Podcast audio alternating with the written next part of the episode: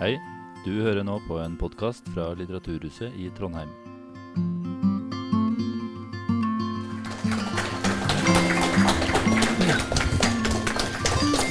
Velkommen, Magnus. Jo, takk for det. takk for det. Bra. Så fint at du har med rekvisitter og alt mulig. Ja, ja. Det er helt sånn nostalgisk eh, bord, det her. Med alt som på en måte Til og med Håkon, OL-telefonen og For et deilig bord. ja. Vi har ikke kobla opp da, Nordtelefonen, men det hadde vært gøy hvis den plutselig ringte. Magnus har altså skrevet denne boka her, som heter 16 dager på Lillehammer. Folkefest, pinsfeber og floker. Historien om OL 1994. Noen er her. Huska ikke Lillehammer-OL. Tror du det? Ja, det jeg pratet med et par. Ja. Hva var pins for noe, Magnus? Pins? Ja, pins, ja. Eh, det var noe i hvert fall jeg samla på. Eh, når jeg, var, jeg var jo ti år gammel. ja. Under lekene. Ish. Er det pinslua di? Det her er eh, pinslua mi. Det er det. Eh, her er det en Olympic Aid Pins. Ja. Den husker jeg ga en hel ukelønn for. 100 kroner. Var veldig stolt av den. Altså, pins det var jo sånne små metallmerker. da, for de som av en eller annen grunn ikke husker det, så var det bitte små metallmerker som du kunne samle på og bytte. Eh, og det er egentlig noe man har holdt på med en stund i sånn olympisk sammenheng, men noe som tok av sånn kommersielt en gang på 80-tallet. Da begynte det å bli sånn at Calgary-OL det var første gang de merka at det kom folk til Calgary ene og alene for å bytte sånne metallmerker. Eh, og du kan si at vi nådde en sånn pins, det pika da, Ja. i 94 under år på Lillehammer. Ja. I åra før eh, det. Men altså, De ser jo litt tilforlatelige ut. Ja. Det, er, det er jo bare noen små metallstykker, liksom. Men det, det ble helt psyko stemning rundt de her pins-merkene. Mm. Og noen av de ble solgt for altså, hundretusenvis. Ja, det kan du si. Altså, det, for eksempel denne ene her, nå vet jeg ikke hvor godt dere ser det, men her er det en sånn, noe som ligner på en, det er en julekurv. Julekurven. Det her er en fake. Av en eller annen grunn står det Trondheim 1993-1994 på den. Jeg Da vet ikke hva det er betyr. Ja. Men uansett, den originale julekurva, Ja. den gikk for Den fantes det sånn 400 eksemplarer av. Mm. Eh, den gikk for et sted mellom 10 000 og 15 000. Og det ble lagd sinnssykt mye falske versjoner av den. Det der er da tydeligvis en av eh, de. Eh, og når det, såpass, når det blir såpass verdifullt, da, si du har en samling med pins med julekurva med andre sjeldne pins, så er fort samlinga di verdt flere hundre tusen kroner. Og det som da skjedde, var jo at når nordmenn var så oppslukt av denne pinsfeberen, så skaper jo det også et marked for kriminelle. Ja. Så det var jo pinssamlere som fikk frastjålet, altså folk brøyt seg inn hos de og stjal pinssamlingene. Ja. Eh, og pinspartier forsvant før det kom ut på markedet. F.eks. en skole på Hamar som hadde bestilt 500 spesiallaga pins. da, Børstad skole, OL 94. Den eh, kom aldri. Og plutselig begynte den å dukke opp på gata i Oslo og på Lillehammer. Så er det noen som hadde stjålet den da, og satt den ut på markedet. Hvem vil ha det? Ja. Og, og, og det, som, det som da igjen skjedde, var jo selvfølgelig at pinsprodusentene måtte begynne å finne ut av hva det som skjer her. Og da måtte de koble privatetterforskere på saken. Eh, og utstyre de da, få de til å gå undercover på pinsmesser, utstyrt med pins, for å se om de kunne finne disse, denne pinsmafiaen, som de, som de kalte det. Og de falske pinsa de, jo, de skulle støpes om. Når, når, når de håper si, beslagla da, politiet store partier med falske pins, så skulle det støpes om. Men da måtte representanter fra organisasjonskomiteen LUK de var nødt til å bli med på støperiet for å sjekke at ikke de pinsa bare forsvant ut bakdøra igjen. Det var liksom verdier for hundretusenvis av kroner liksom, som skulle støpes om. Så det var helt, altså Jeg samla på pins, men jeg, jeg hadde jo ingen aning om at det var så vilt. Det har jeg først forstått nå når jeg holdt på med den boka. Eh, Magnus, Jeg har jo så lyst til å prate om så mye rundt estetikken, og sånn, og det, vi må se hva vi rekker. fordi bare den koloritten rundt OL på Lillehammer Altså det herre eh, mintgrønne og rosa ja. og Det er jo så fascinerende i seg sjøl. Men vi må gå ned i en litt mer sånn alvorlig historie aller først her. Fordi Mm. det holdt på å gå helt skeis. Det holdt på å ikke Ja. bli noen ting av. Og på scenen så står da eh, Gerhard Heiberg og eh, Samaranch. Mm. Som er da en tidligere minister i Franco-styrte Spania. Ja. Eh, og, og det her krasja i hop på ferd å bli en skandale. Hva er det som skjer? Ja, altså, ja, Gerhard Heiberg som du sier, han var jo sjef i LUK, Lillehammer Olympic Organizing Committee, altså rett og slett OL-sjefen. Eh, Juan Antonio Samarank var eh, president i IOC, Den internasjonale olympiske komité, de som eier OL. Eh, og som du nevner, han, eh, Samaranch han hadde en fortid eh, som fascist. eh, Og satt i regjering hos, eh, under Franco. Og det fins bilder av han fra eh, den tida med høyrearma heva i været. Nå skal ikke jeg, holdt jeg på å gjøre det her, men det, det hadde blitt feil bilde, tror jeg. Men, Ikke, ikke så veldig olympisk. Nei. Men, eh, og det var jo folk klar over. Så da Samarank kom på besøk her til Norge, eh, på befaring allerede et par-tre år før lekene, så ble jo, er det jo sinte demonstranter som angrep bilen hans, sparka inn dørene, knuste vinduer. Politiet måtte eh, sette i gang bikkjene for, for å få de bort. Følte seg ikke veldig velkommen. Eh, og Han det- hata det, for si ja, det kan du, kan du trygt ja. si. Og, og når han kommer til eh, noen dager før OL, lander på flyplassen i Norge, så får han jo mikrofonen stukket opp i fjeset. Eh, spørsmål fra eh, journalister i NRK om, hva, om han føler noe skyld for norske liv som gikk tapt eh, under borgerkrigen i Spania på 30-tallet. Gud vet hvor gammel han var da, han var kanskje 7-8-9, liksom, men uansett. Så han følte seg veldig lite velkommen. Og på toppen av det, da, på at han ble, jeg håper å si, hele tida ble trukket opp i den fascistfortida hans, så var det jo en kritikk mot IOC for at de var pamper. ikke sant? Og, og meningsmålinger i norske aviser visste at ni av ti nordmenn hadde et særdeles dårlig inntrykk av Juan Antonio Samaranch. Um, og det syntes han jo ikke var noe hyggelig. Men det hadde han sikkert vært delvis beredt til å på en måte, Den kamelen kan du på en måte svelge. Men når Vegard Ulvang, som da var Norges kanskje største skistjerne, og virkelig en av de store stjernene på, uh, i vinteridrett i, i verden, han skulle avlegge den olympiske ed. Og når han lar seg intervjue på TV 2 og sier at han ikke syns noe om Samarank sin fortid, det er da det på en måte bikker litt da, for både Samarank og, og IOC. Det det intervjuet selvfølgelig ikke visste, var at Vegard Ulvang det ble jo klippa før han sa men kanskje folk burde dømmes for det de gjør i dag. Det klippa jo selvfølgelig TV 2 bort. Ja, men- journalister. ja. Hater, hater journalister. Eh, men, men fortell, altså eh, Det her blir jo da et hurlumhei. Ja. Eh, og altså det svirrer altså det svirrer i luften at kanskje Samaranche ville trekke hele greia fra Norge. Ja, altså Gerhard Heiberg har jeg snakka mye med i forbindelse med den boka. her, og Han beskriver de to, tre, fire dagene før OL som de verste i hans liv. Eh, fordi eh, oppstandelsen var så stor i IOC på måten de ble møtt på og behandla på, at de sa rett og slett at vi vurderer nå å reise hjem og ta med oss OL. Vi sier vi møtes om en måned i Calgary, som står klare til å, å si, eh, ta over hvis det skulle oppstå noen form for problemer her. Eh, og Gerhard Heiberg følte opp, helt oppriktig på den frykten da, for at nå ryker hele OL fordi de blir tatt så dårlig imot her. Og da, inn fra venstre, en rojal redning. Ja, Gerhard Heibergs barndomsvenn Kongen. Så digg å ha. ja, det var veldig kjekt. Han er en olympier selv, ikke sant? Ja. Så da eh, ble det kalt inn da, til eh, middag. Kongen og dronningen inviterte Samarank og frue og Heiberg og frue på middag. For det, man visste også at Juan Antonio Samarank var veldig opptatt av eh, rojale mennesker. Da. Eh, og det var med på å bidra da, til at eh, dette gikk veien. De sa at vi skal holde et styremøte etter åpningsseremonien, og da tar vi en avgjørelse. Så åpningsseremonien gikk jo bra. Han fyren som hoppa med fakkelen, han landa, gikk ikke på trynet. Og ja. Og, altså, alle vet at gammelfascister er jo glad i smisk, eh, og, og, så det funka. Men eh, det som også er veldig morsomt med boka di, er jo at du hele tida krydra med ting som nesten er umulig å vite. Sånn som at eh, OL-ilden, som apropos rojale, kronprinsen tenner jo OL-ilden.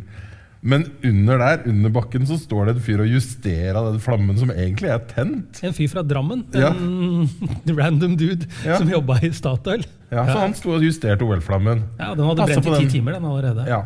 Den var tent, Ja. egentlig. Du ser, hvis du ser, går inn og ser på klippet, hvis du nerder skikkelig på det, så ser du at eh, kronprinsen han stopper opp på toppen av trappa og kikker utover. Og Det er fordi han er løper- litt for raskt opp. Han vet at på et anslag i musikken, det er da han skal løfte den, Ja. og så skal det liksom tenne. Så, så han står der og venter. da. For Han løper for raskt opp For trappa. For Ja. Men, men så ruller jo OL i gang. Mhm. Det er jo perfekt vær. Det er perfekt med snø. Alt er bare helt sånn uh, nydelig. Mhm. Og uh, det som kan bli en bar på Lillehammer, det blir en bar. Ja. Altså, Fortell om serveringshysteriet på Lillehammer under OL. Ja, altså det var jo sånn før lekene at KrF i Oppland, og etter hvert også KrF eh, nasjonalt, forsøkte å få et skjenkeforbud i hele OL-regionen under lekene. Eh, selvfølgelig var det ikke lov å ha med alkohol på stadion, men de ville at alt skulle stenges ned, alkoholsalg skulle være forbudt. De ville ikke ha danskebåten-vibber da, når vi først skulle vise oss fram for verden. Men det skjedde jo ikke. Det er det motsatte som skjer. Eh, 119 steder fikk midlertidig skjenkebevilling. Noe som da gjør Lillehammer i de 16 dagene til den byen i verden med hva heter det, flest puber per innbygger. Eh, og, så det her var jo en fest òg, og det var et av målene med boka. var jo skildre, er jo å skildre lekene fra ikke bare fra skiløypa, der det jo Alsgaard, men også fra f.eks. utelivet. Og blant de 119 stedene som fikk innvilga skjenkebevilling, så har du babyutstyrsbutikker, leketøysforretninger og rørleggersjapper. Og den rørleggersjappa, Kafé Rørleggeren, det ble Lillehammers egentlig mest populære vannhull under lekene, fordi den lå sånn perfekt til akkurat der folk gikk ned fra medaljeseremoniene. Før du gikk inn i gågata, der lå Kafé Rørleggeren, som serverte øl og vin fra varmtvanns- og kaldtvannskraner. og var ikke måte på. Fortell litt mer om hvordan du har tenkt når du skrev denne boka. For at, uh, den er jo uh, bygd opp sånn at man følger liksom dag for dag gjennom OL. Og uh, både sportslige prestasjoner og kuriosa. Altså, altså, historien slik du ikke husker den, hvorfor var det viktig å fortelle for deg? Nei, rett og slett fordi at en del av de historiene rundt OL på Lillehammer har vi hørt veldig mange ganger før. Eh, og nå har det riktignok aldri blitt skrevet en ordentlig biografi over de lekene. Noe som egentlig er helt utrolig, men takk for at ingen har gjort det. Siden jeg nå har fått mulighet til å gjøre det. Men, men det, det er så mye altså, historier mindre historier da, fra lekene som kan bære historier som er større enn seg selv. Altså F.eks. skiløpere fra Fiji som, som deltar der, 10 km klassisk på ski. En helt fantastisk karakter som har klart å skyve Bjørn Dæhlie ut av den boka her. Eh, eller altså Bjørn Dæhlie er jo med, men han har en det jeg vil kalle en birolle, mens han fyren fra Fiji, da, fordi han konkurrerer på samme dag, får lov til å innta hovedscenen den gangen her. Så det har vært rett og slett for å, for å kunne forstå og se OL på Lillehammer fra forskjellige synsvinkler. Da. Og da er de historiene vi ikke husker, veldig gode, godt egna til, til å komme inn i det. Fordi hvis vi skal sette her en historisk kontekst, Ja. så tar du og sammenligna det her med de aller største milepælene i norsk historie. Fortell om det. Hva er det du sammenligna det med? Ja, altså, altså En av de tingene som inspirerte meg til å skrive den boka, her, det er altså Jeg, og, jeg jobber mye i avisarkiver. Elsker avisarkivene. Det er en tidsmaskin for meg, og jeg jobber mye i, eh, i de. Og jeg kom over et sitat der, helt tilfeldig, tidlig under korona, når jeg satt og jobba med noe helt annet. Så kom jeg over et sitat av Dagbladet-kommentator Andreas Humpland eh, på den tida. Da. Han skrev rett etter OL i tiår framover i tid kommer vi til å bruke oss selv under OL som et forbilde. Det var den gang vi tok ut vårt beste. Den som ikke har vært på Lillehammer eller deltatt aktivt ved TV-skjermen, vil være like utenfor som de som satt inne i maidagene i 1945. Eh, det er ganske presist sagt. Intet mindre. Og da, altså, da begynte jeg rett og slett å tenke også dels som idéhistoriker, at vi har noen ganske sånn tydelige eventer i helt nyere norsk historie som har vært veldig viktig med tanke på hvordan vi ser på oss selv. Det er okkupasjonen, olja, OL på Lillehammer. Det kommer jo titalls bøker om okkupasjonen hvert år. Eh, heldigvis kan man si ikke titalls bøker om OL på Lillehammer hvert år. Det kunne blitt litt mye. Men så tanken var jo rett og slett det. da, at Hvorfor finnes det ikke en bok om det her? Og det er jo også sånn at, at man kan også se OL på Lillehammer som en sånn kulminasjon av hele etterkrigstida i Norge. Og vi på en måte går fra en litt sånn grått til godt, er det noen som har kalt det. da. Eh, en kommentator i Aftenposten som eh, skrev om denne boka for noen uker siden, han, han brukte betegnelsen fra Gerhardsen til Gerhard, altså da Gerhard Heiberg. At det går en slags linje der, da. Eh, fra den litt sånn triste og grå etterkrigstida, som på en måte kulminerer i, under OL på, på Lillehammer. Og, og du, du, kan jo si det sånn at det også, også forskningen viser at OL på Lillehammer har hatt en eller annen effekt på det nasjonale selvbildet. fordi under OL og i åra før så var det en psykologiprofessor som het Arnulf Kolstad, som hadde, hadde vel base her i Trondheim og jobba ut fra NTNU.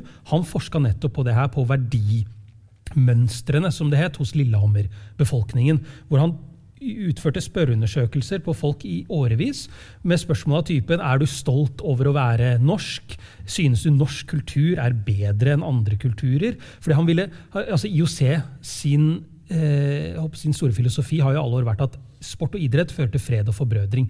Respekt for andre kulturer via fredelig kappestrid.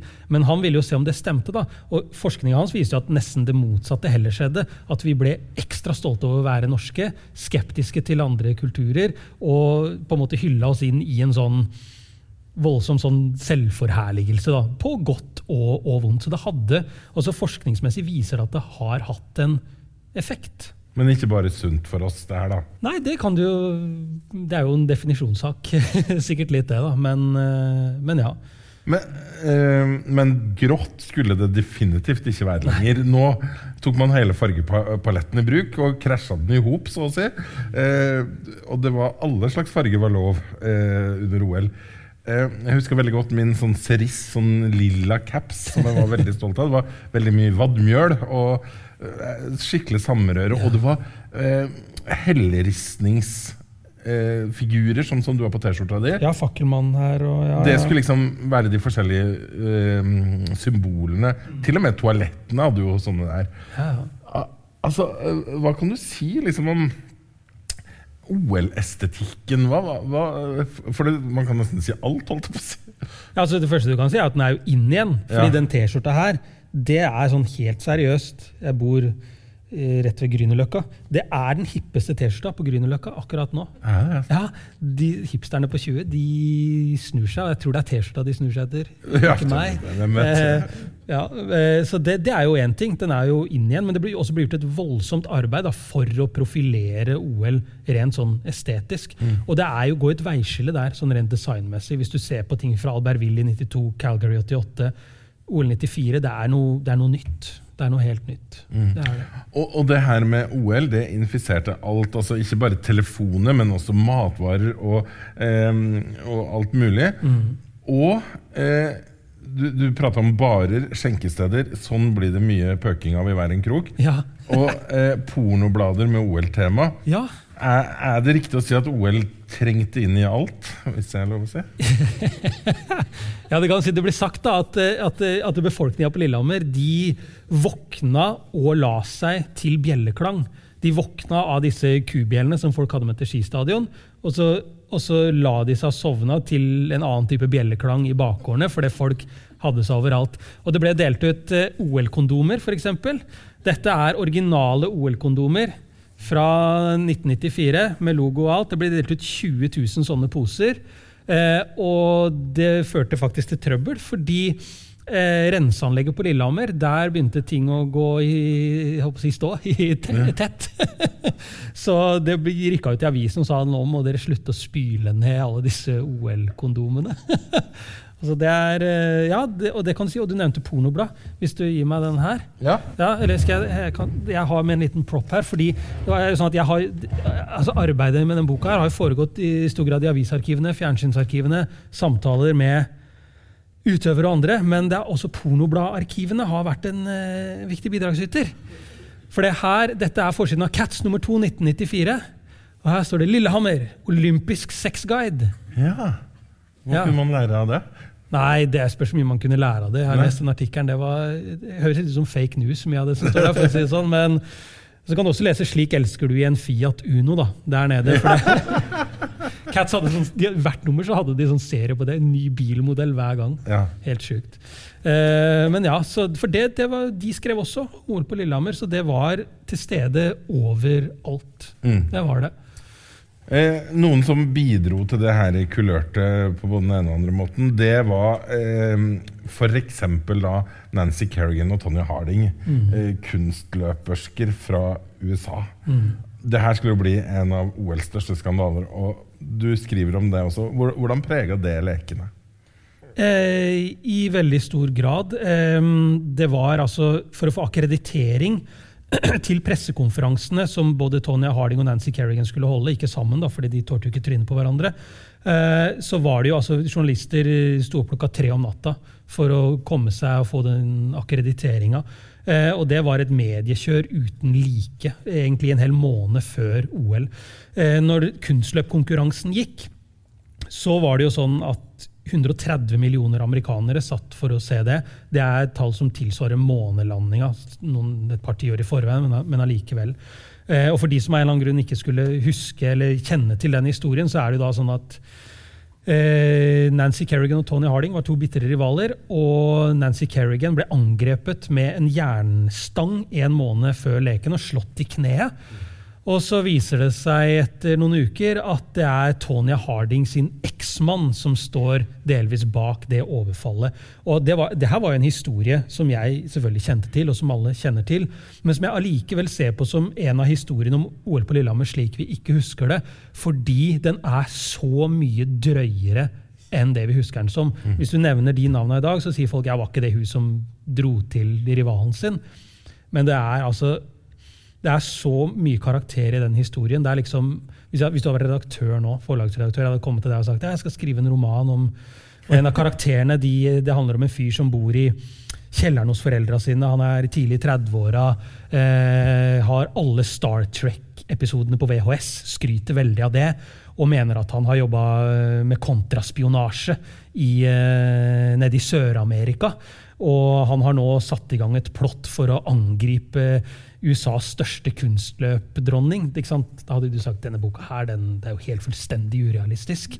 Men det er altså så mye karakter i den historien. Og også et pressekjør helt uten nesten sidestykke, i hvert fall i idrettshistorien. Fordi den heksejakta mot Tony Harding den er, var så stygg at uh, ja, det, For det var veldig enkelt altså Nancy Kerrigan var liksom den milde engelen, Ja, ja. og så Tommy Harding den, Hun var white trash. Ja, rett og slett. Hun hadde astma, men røyka. Hun kunne mekke bilen sin sjøl, gikk på jakt.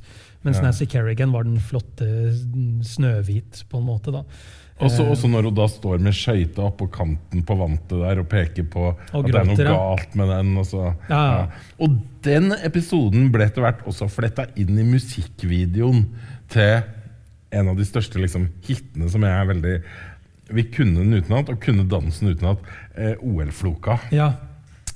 Altså Kan vi ikke prate litt om eh, OL og musikk? Ja. Altså, men OL-floka var jo ment det var, en, det var egentlig ment for noe helt annet, var det ikke? Ja, altså det er jo også igjen Jeg er glad i litt sånn sær kulturhistorie. Eh, og det er jo faktisk sånn at OL-Floka-sangen det er i stor grad soundtracket til OL 94. Det er en del av norsk kulturhistorie, rett og slett. Så jeg begynte å grave litt i historien bak den sangen. da. Eh, og da fikk jeg jo til slutt tak i han som har skrevet den. Eh, og han kunne jo fortelle meg at den låta hadde egentlig en helt annen tekst. Han, hadde, han har vært musiker i mange år, studiomusiker og kobla opp til Oslo Gospel Choir. Og han hadde jobba litt sånn på oppdragsbasis for NRK og skrevet sånn tidlig på 90-tallet en sang som han skulle spilles på et radioprogram som handla om trafikksikkerhet for barn og unge. Eh, og da hadde han skrevet en låt som het En god gammeldags grusvei. Så da gikk refrenget 'En god gammeldags grusvei som jeg kan sykle på'. Og den har blitt spilt én gang på radioen.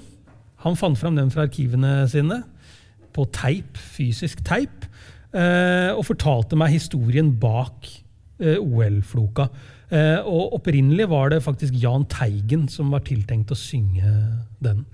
Men ja, Jeg bare husker da, jeg var student på Lillehammer for, for 20 år siden, så, så sang vi den på vorspiel, eller nachspiel, eh, fortsatt. Og, men vi sang også 'Se ilden lyse' Ja. med Sissel, som vi hørte litt her.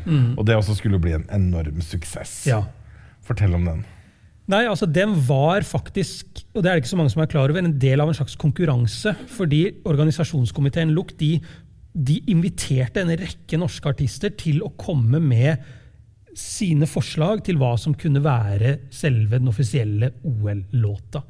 Eh, og blant de artistene de inviterte, nå sitter vi her i Trondheim, eh, så finner man på den lista Åge Aleksandersen og Stage Dolls. Ja. Og jeg tror, selv om vi sitter i Trondheim, jeg tror ikke jeg fornærmer noen hvis jeg sier at det er kanskje greit at det var Sissel Kyrkjebø som sto der nede på sletta nedenfor hoppbakken, enn Torstein Flakne som dro gitarsoloer. Jeg tror det hadde blitt litt mismatch, uh, for å si det sånn. hvor, hvor, viktig var kulturdelen av Lillehammer-OL? Det, altså, det her var jo ikke bare en idrettsfest, det var jo en kulturfestival samtidig. Det var jo konserter og teaterstykker, og det, her ble det jobba like mye med det her omtrent som idrettsarrangementet i, opp mot, uh, mot lekene. Og noe av det var veldig smalt. Ja, eh, det kan du si. Det var kunstutstillinger med potetgull på gulvet og trebåter som seilte der fordi det skulle symbolisere et eller annet Nå har Norge blitt eh, kapitalistisk og det ene med det andre. Og det var vestenfjelske revkroklaug som gikk rundt. De var leid inn av LUK til å skape de, som en del av det de kalte folkelivsprogrammet. Hvor de gikk rundt og la seg ned på bakken andføtte så har de sånn håndbak med beina. Hvor de hekter seg fast sånn knehase mot knehase, så er det om å gjøre å vri den andre rundt. De, de gikk rundt og gjorde det for å rett og slett skape folkeliv. da. Eh, så en del av det opplegget rundt OL på Lillehammer som der og da virka veldig sånn spontant, at oi, oi, oi, dette er folkefest, og her går folk og spiller trekkspill og, og spontant teater i gatene og sånn, det var jo ikke spontant. Det var liksom vi skal lage en virkelig folkefest, og da må du gjøre det via sånne sære kulturelle innslag som det. Jeg vet ikke, mm. Tenkte du på noe annet òg her, eller? Jeg tenkte jo også på det her eh, bad if you do og bad if you don't, eh, som Eh, du skriver jo bl.a. om at man hadde lyst til å bruke mm, det samiske ja. ganske sentralt. Ja, og det, det, er litt sånn overraskende. Da kom man jo inn i en debatt på den tida som ligner på i dag. Mm. Fordi mm. det samiske innslaget under åpningsseremonien det er jo Hele åpningsseremonien begynner jo med det. Og Mari Boine skulle, var egentlig tenkt, tiltenkt å være med der, men hun nekta å være med på det. For hun ville ikke bli brukt en, til noen sånn eksotifisering da, av det samiske. Og Da var det debatter på Dagsnytt 18 og alt mulig, akkurat som det ville omtrent ha vært eh, eh, i dag. Mm. Mm. Men det var viktig å vise fram. Ja, ja. Og det er jo mye av den symbolikken var jo viktig i kulturprogrammet. Absolutt. Mm. Mm. Og så er jo det her også introduksjonen til eh, Sorry at jeg ler, men det er litt morsomt når, når, du skriver om hvordan noen skulle være med da, av de her ledende eh, OL-sjefene og inviterte gjester. De skal da altså teste ut bobbanen på Hundefossen. og det er jo bare så vidt noen av de her sjefene overlever, virker det ja. som. Altså Bob det, er, det, er, det, har blitt en liten sånn favoritt for meg under den boka her, fordi, mens jeg jobba med den. Fordi Bob-laget fra Jamaica det var jo så i vinden. ikke sant? Jeg var ti år gammel og hadde sett denne Cool Runnings-filmen. Mm. Så å ha han på tråden, han Bob-kapteinen fra Jamaica, det var veldig gøy. Men, men, ja, altså Bob det er en vanvittig krevende idrett. For når du kjører nedover i den der løypa, så er det oppe i 4G. Dvs. Si kroppen din føles fire ganger så tung som det den er. Da kan du få pusteproblemer. Og når, når den skulle innvies, den bobbanen, så satt jo Gerhard Heiberg på i boben. Eh, Arne Myhrvold, som var president i Norges olympiske komité, og ordføreren på, på Lillehammer satt på. Og to av de måtte på sjukehus etterpå. Altså. De var helt, det var brukne ribbein, og han ene klarte ikke å gå. Liksom sa at det her skal jeg aldri, aldri, aldri gjøre igjen. Så jeg har fått ganske mye respekt for bobidretten altså, etter å ha jobba med den boka her. Apropos dårlige knær, svake ledd, holdt jeg på å si. Altså, så skal vi også se på kulekjøring. Mm. Og det var jo også en sånn fascinerende greie. Også med et rojalt tilsnitt. Eh, fortell om det. Ja, altså kulekjøring det var jo en ny idrett på den tida. I dag er det omtrent en glemt idrett fordi snowboard har kommet inn og tatt over. Men det var liksom den hippe idretten. da, Kulekjøring i 1994. Eh, og dronning Sonja hun var jo til stede blant annet på det med en skada kulekjører ved siden av seg som skulle sitte og forklare henne litt om denne idretten da, og dens bakgrunn og opprinnelse. Og alt det der. Og den har en vanvittig fascinerende historie, fordi eh,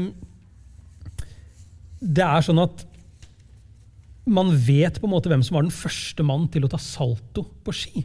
Og det er på en måte der eh, hele eh, kulekjøringa eh, og, og freestyle-idretten begynner. Så jeg tenker jeg skal lese et sånt lite kort utdrag her.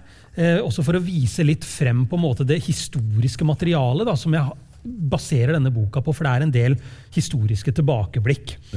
Så skal vi se her.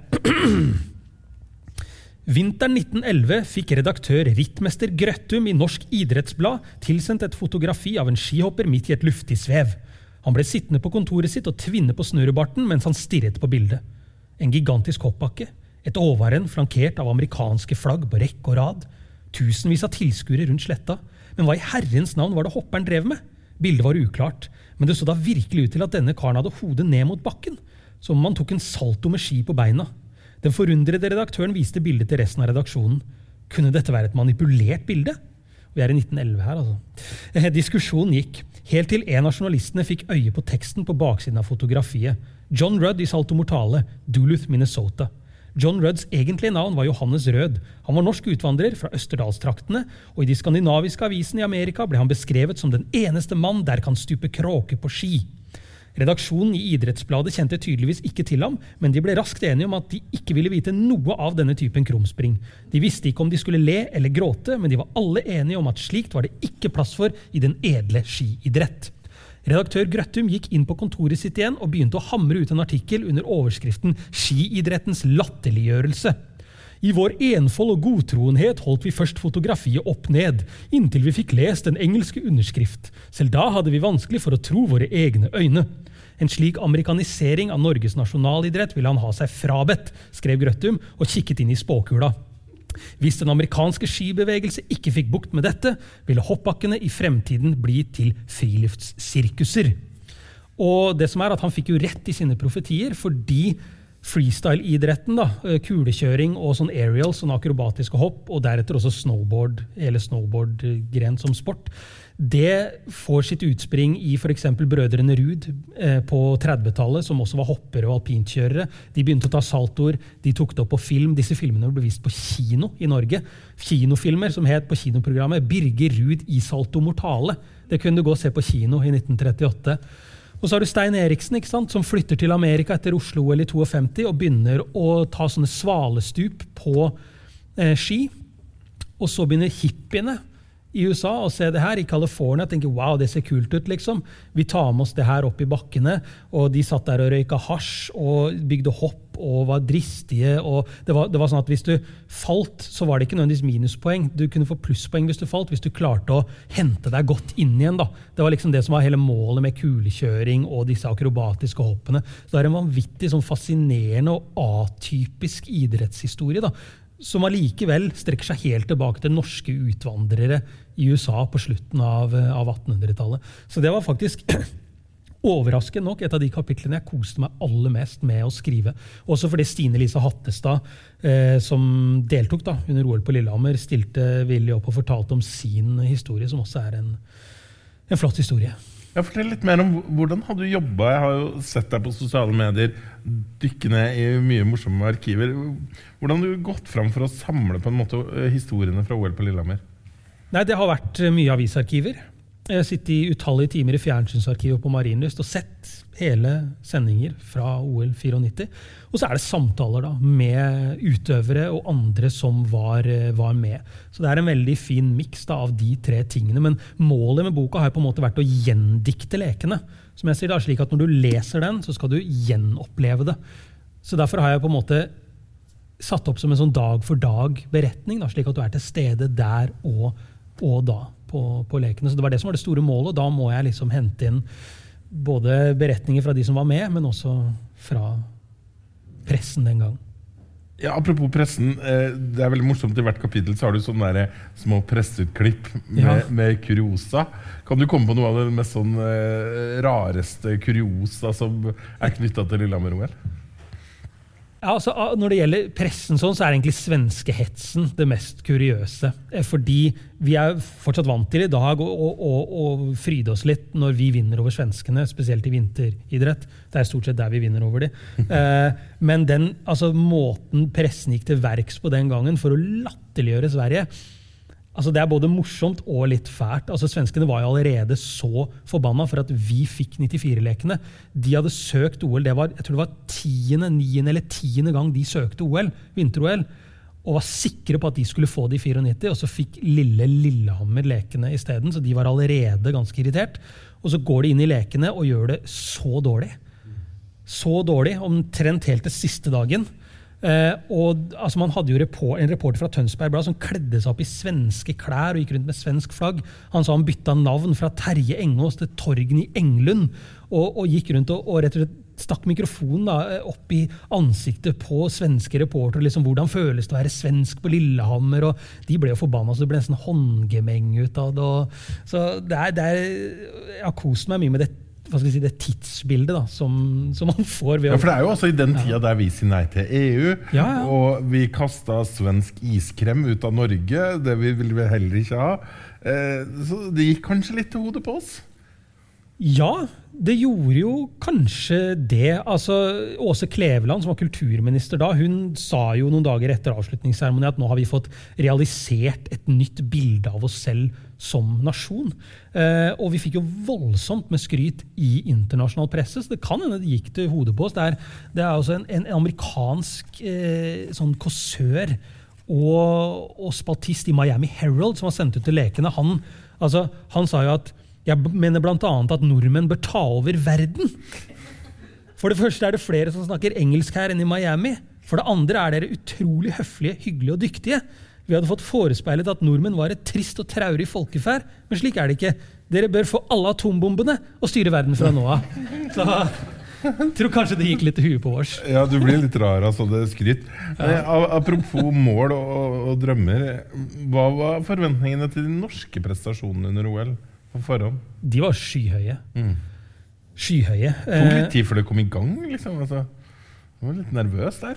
Ja, altså det, var, altså det var noen som hadde et ekstra stort eh, press eh, på seg. da. Espen Bredesen, f.eks., eksempel, som var to år tidligere. eh, ble latterliggjort, mobba i avisene. Sist i begge konkurransene i OL i 92. Og ja, det ble sagt Han hadde langt hår, kjempelangt hår. Helt ned til livet, faktisk. Det er det ikke så mange som husker. Eh, det ble sagt at hår, altså, han landa før håret hadde forlatt hoppkanten. Han ble, han ble skikkelig dritig ut. Eh, så han hadde jo et voldsomt press på seg. For det som skjer er at i løpet av ett år så er han plutselig verdens beste skihopper. Går inn i Lillehammerleken med hele hel nasjons forventninger på sine skuldre. Eh, så han var det jo veldig morsomt å, å prate med og høre om hvordan dette, dette var. da. Men det er klart det var voldsomme forventninger. Eh, Calgary 88 hadde gjort det kjempedårlig. Albertville 92 kjempebra. Og det, det sies jo det at uten OL på Lillehammer hadde, hadde svenskene fått OL i 94. Tviler på at vi hadde hatt ti gull, elleve sølv og fem bronse fra et OL 94 i Sverige. Det hadde vi aldri hatt. For det ble satt i gang en vanvittig satsing i de åra. Når vi har OL på hjemmebane, da må vi gjøre det bra. Så det ble jo kasta penger inn i idretten. Hvilke utøvere ellers var det mye press på da? Det var vel alpin, blant annet? Ja, Kjetil André Aamodt, eh, 21 år gammel.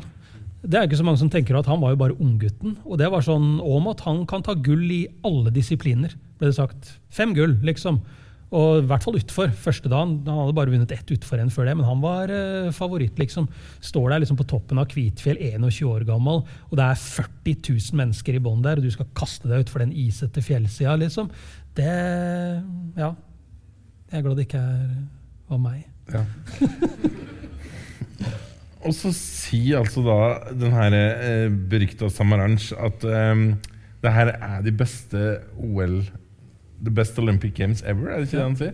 The best Olympic Winter Games ever. Det Ja. konkluderer han med på avslutningsseremonien. Og det, det er jo en historie som Gerhard Heiberg også er glad i å fortelle, fordi, nettopp fordi Samarang fikk så mye dritt. Og det, det krever litt da, av en, en person som får så mye pepper og motbør og er så mislikt i Norge.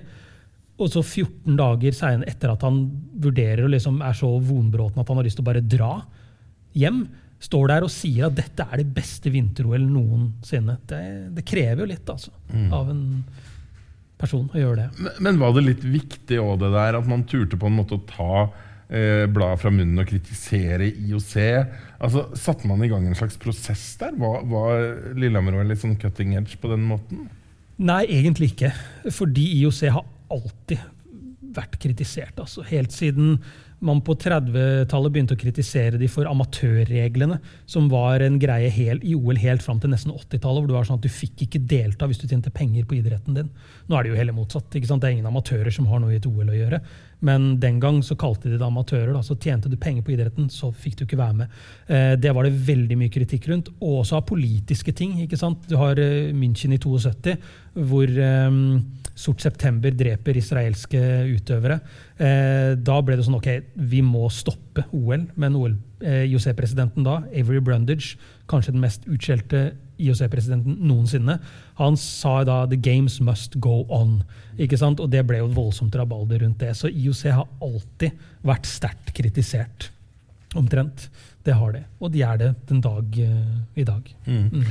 Men, men uh, det var litt på teknologifronten som Lillehammer-OL var litt langt framme på. Var det ikke første internett-OL omtrent? Jo, det var det. Det var det. Det, det, det kan du si. Og det var også det første 3D-brille-OL. Ja. Selvfølgelig i eh, koloritten, da. Altså. Ja, ja, ja, Og det ble solgt noe sånn som 450 000 sånne 3D-briller. Uh, og de funka dårlig. De funka veldig, veldig dårlig. Så ja, det, det, det, kan du si. Det, det var litt uh, cutting edge, sånn sett. Mm. Det var det. Hva har du lært om den tida her fra å skrive denne boka? Uh, først og fremst at 90-tallet er tidenes beste tiår. Det, det var jeg klar over fra før av. Men nei, det er klart, det, det, mest fascinerende er på en måte å se ordskiftet, hva som på en måte var innafor. Sett på som innafor i, i f.eks. i pressen. da, eh, øh, Hvor man har disse kveldssendingene fra NRK, 'Vindu mot Lillehammer', hvor Halva Flatland er programleder og hver kveld sitter og råflørter med alle de kvinnelige gjestene. Han sitter her med Vendela Kirsebom, som da var liksom uh, swimsuit model borte i USA. Hun ble kalt 'verdens vakreste er til stede på Lillehammer'. Hun var der for å gjøre reportasje for CBS, da, mm. for et sånt OL-program for de.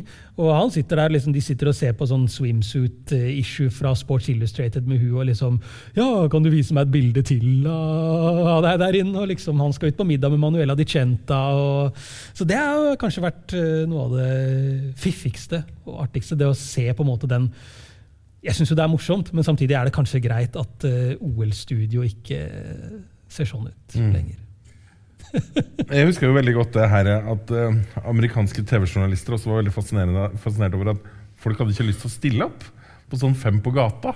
Oh, ja. de, var, de, var sånn der, eh, de, de, var helt sjokkert over at folk altså Hjemme i USA så vil alle prate på TV, mm. men her hadde de ikke så veldig lyst til det. Men, men hva, hva, hva, slags reklameverdi hadde det for Norge, da? Altså, Er vinter-OL så stort ute i verden som vi liker å tro? Nei, det er det nok ikke. Eh, men samtidig så, så, så er det jo sånn at det har satt Lillehammer på kartet det er veldig veldig mange som har hørt om OL på Lillehammer. Så når de da er norgesturister, så er det jo en større sannsynlighet for at de tar turen innom der. da. Men det var jo, en av målsettingene var jo det at det skulle dra mye internasjonal turisme til regionen. Mm. Eh, Akkurat som gjenbruksdiskusjonen var jo helt enorm. Ja, ja, ja. ja. Voldsom. voldsom. Men, eh, men, det er klart om, eh, altså, det, det, er en del av de tinga som skjer samtidig som Lillehammer-OL, som OL på Lillehammer er en del av. Vi har Oslo-avtalen året før, hvor Norge er fredsmegler. ikke sant? Så har du Lillehammer-OL og OL som liksom skal være et symbol på fred og forbrødring og internasjonalt samhold. Så Sånn sett så er OL på Lillehammer en del av den det er på en måte den internasjonale arven vi har. da. Mm. Eh, Norge som fredsmegleren, Norge som fredsnasjonen. Og Lillehammer-OL er helt klart en del av det. Det var jo også sånn at det ble sagt at IOC hadde gitt OL til Norge og Lillehammer fordi de ønska seg fredsprisen i retur. Og Det ble jo også avdekt av en del lokale journalister på Lillehammer og Hamar at ja, det hadde de da de leide inn PR-byråer for å sikre seg fredsprisen. Ja, den fikk de jo ikke, men ja. Eh, jeg er jo født i 1980. Jeg husker det var veldig sånn der saying eh, da vi var studenter og skulle flørte med folk. i hvert fall, så var det sånn man kan aldri flørte med noen som ikke husker Lillehammer-OL. Det, det, var veldig viktig. Så man kan vel trygt si at det har festa seg hos oss som et begrep på, på veldig mange plan. Ja, absolutt. Ja, absolutt. For meg, den, den, ting du nevner der, for meg har det også vært en sånn grei Husker du ikke OL på Lillehammer? Da, sånn, da, ja. da, har vi ikke noe vi kan snakke om. Nei. Men du kunne prate om det her veldig lenge, og har gjort det i denne boka. Magnus Helgerud har altså skrevet 16 dager på Lillehammer. Igjen en applaus. Takk. Takk for at dere tok turen.